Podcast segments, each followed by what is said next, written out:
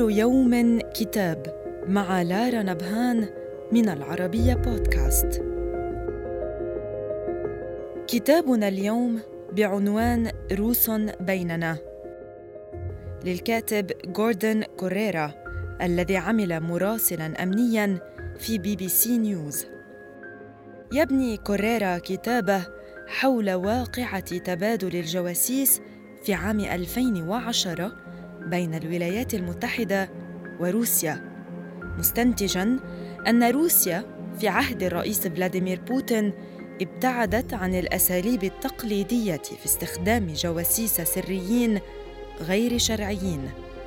أما الآن في عهد بوتين فيميل الروس إلى العمل من خلال أشخاص عاديين قد يكونون طلابا روسا أو مديري أعمال في الولايات المتحدة. يعيشون بشكل علني باسمائهم الحقيقية ويحملون جوازات سفرهم الروسية الحقيقية ولا يمتلكون أدوات تجسس. وإلى اللقاء مع كتاب جديد.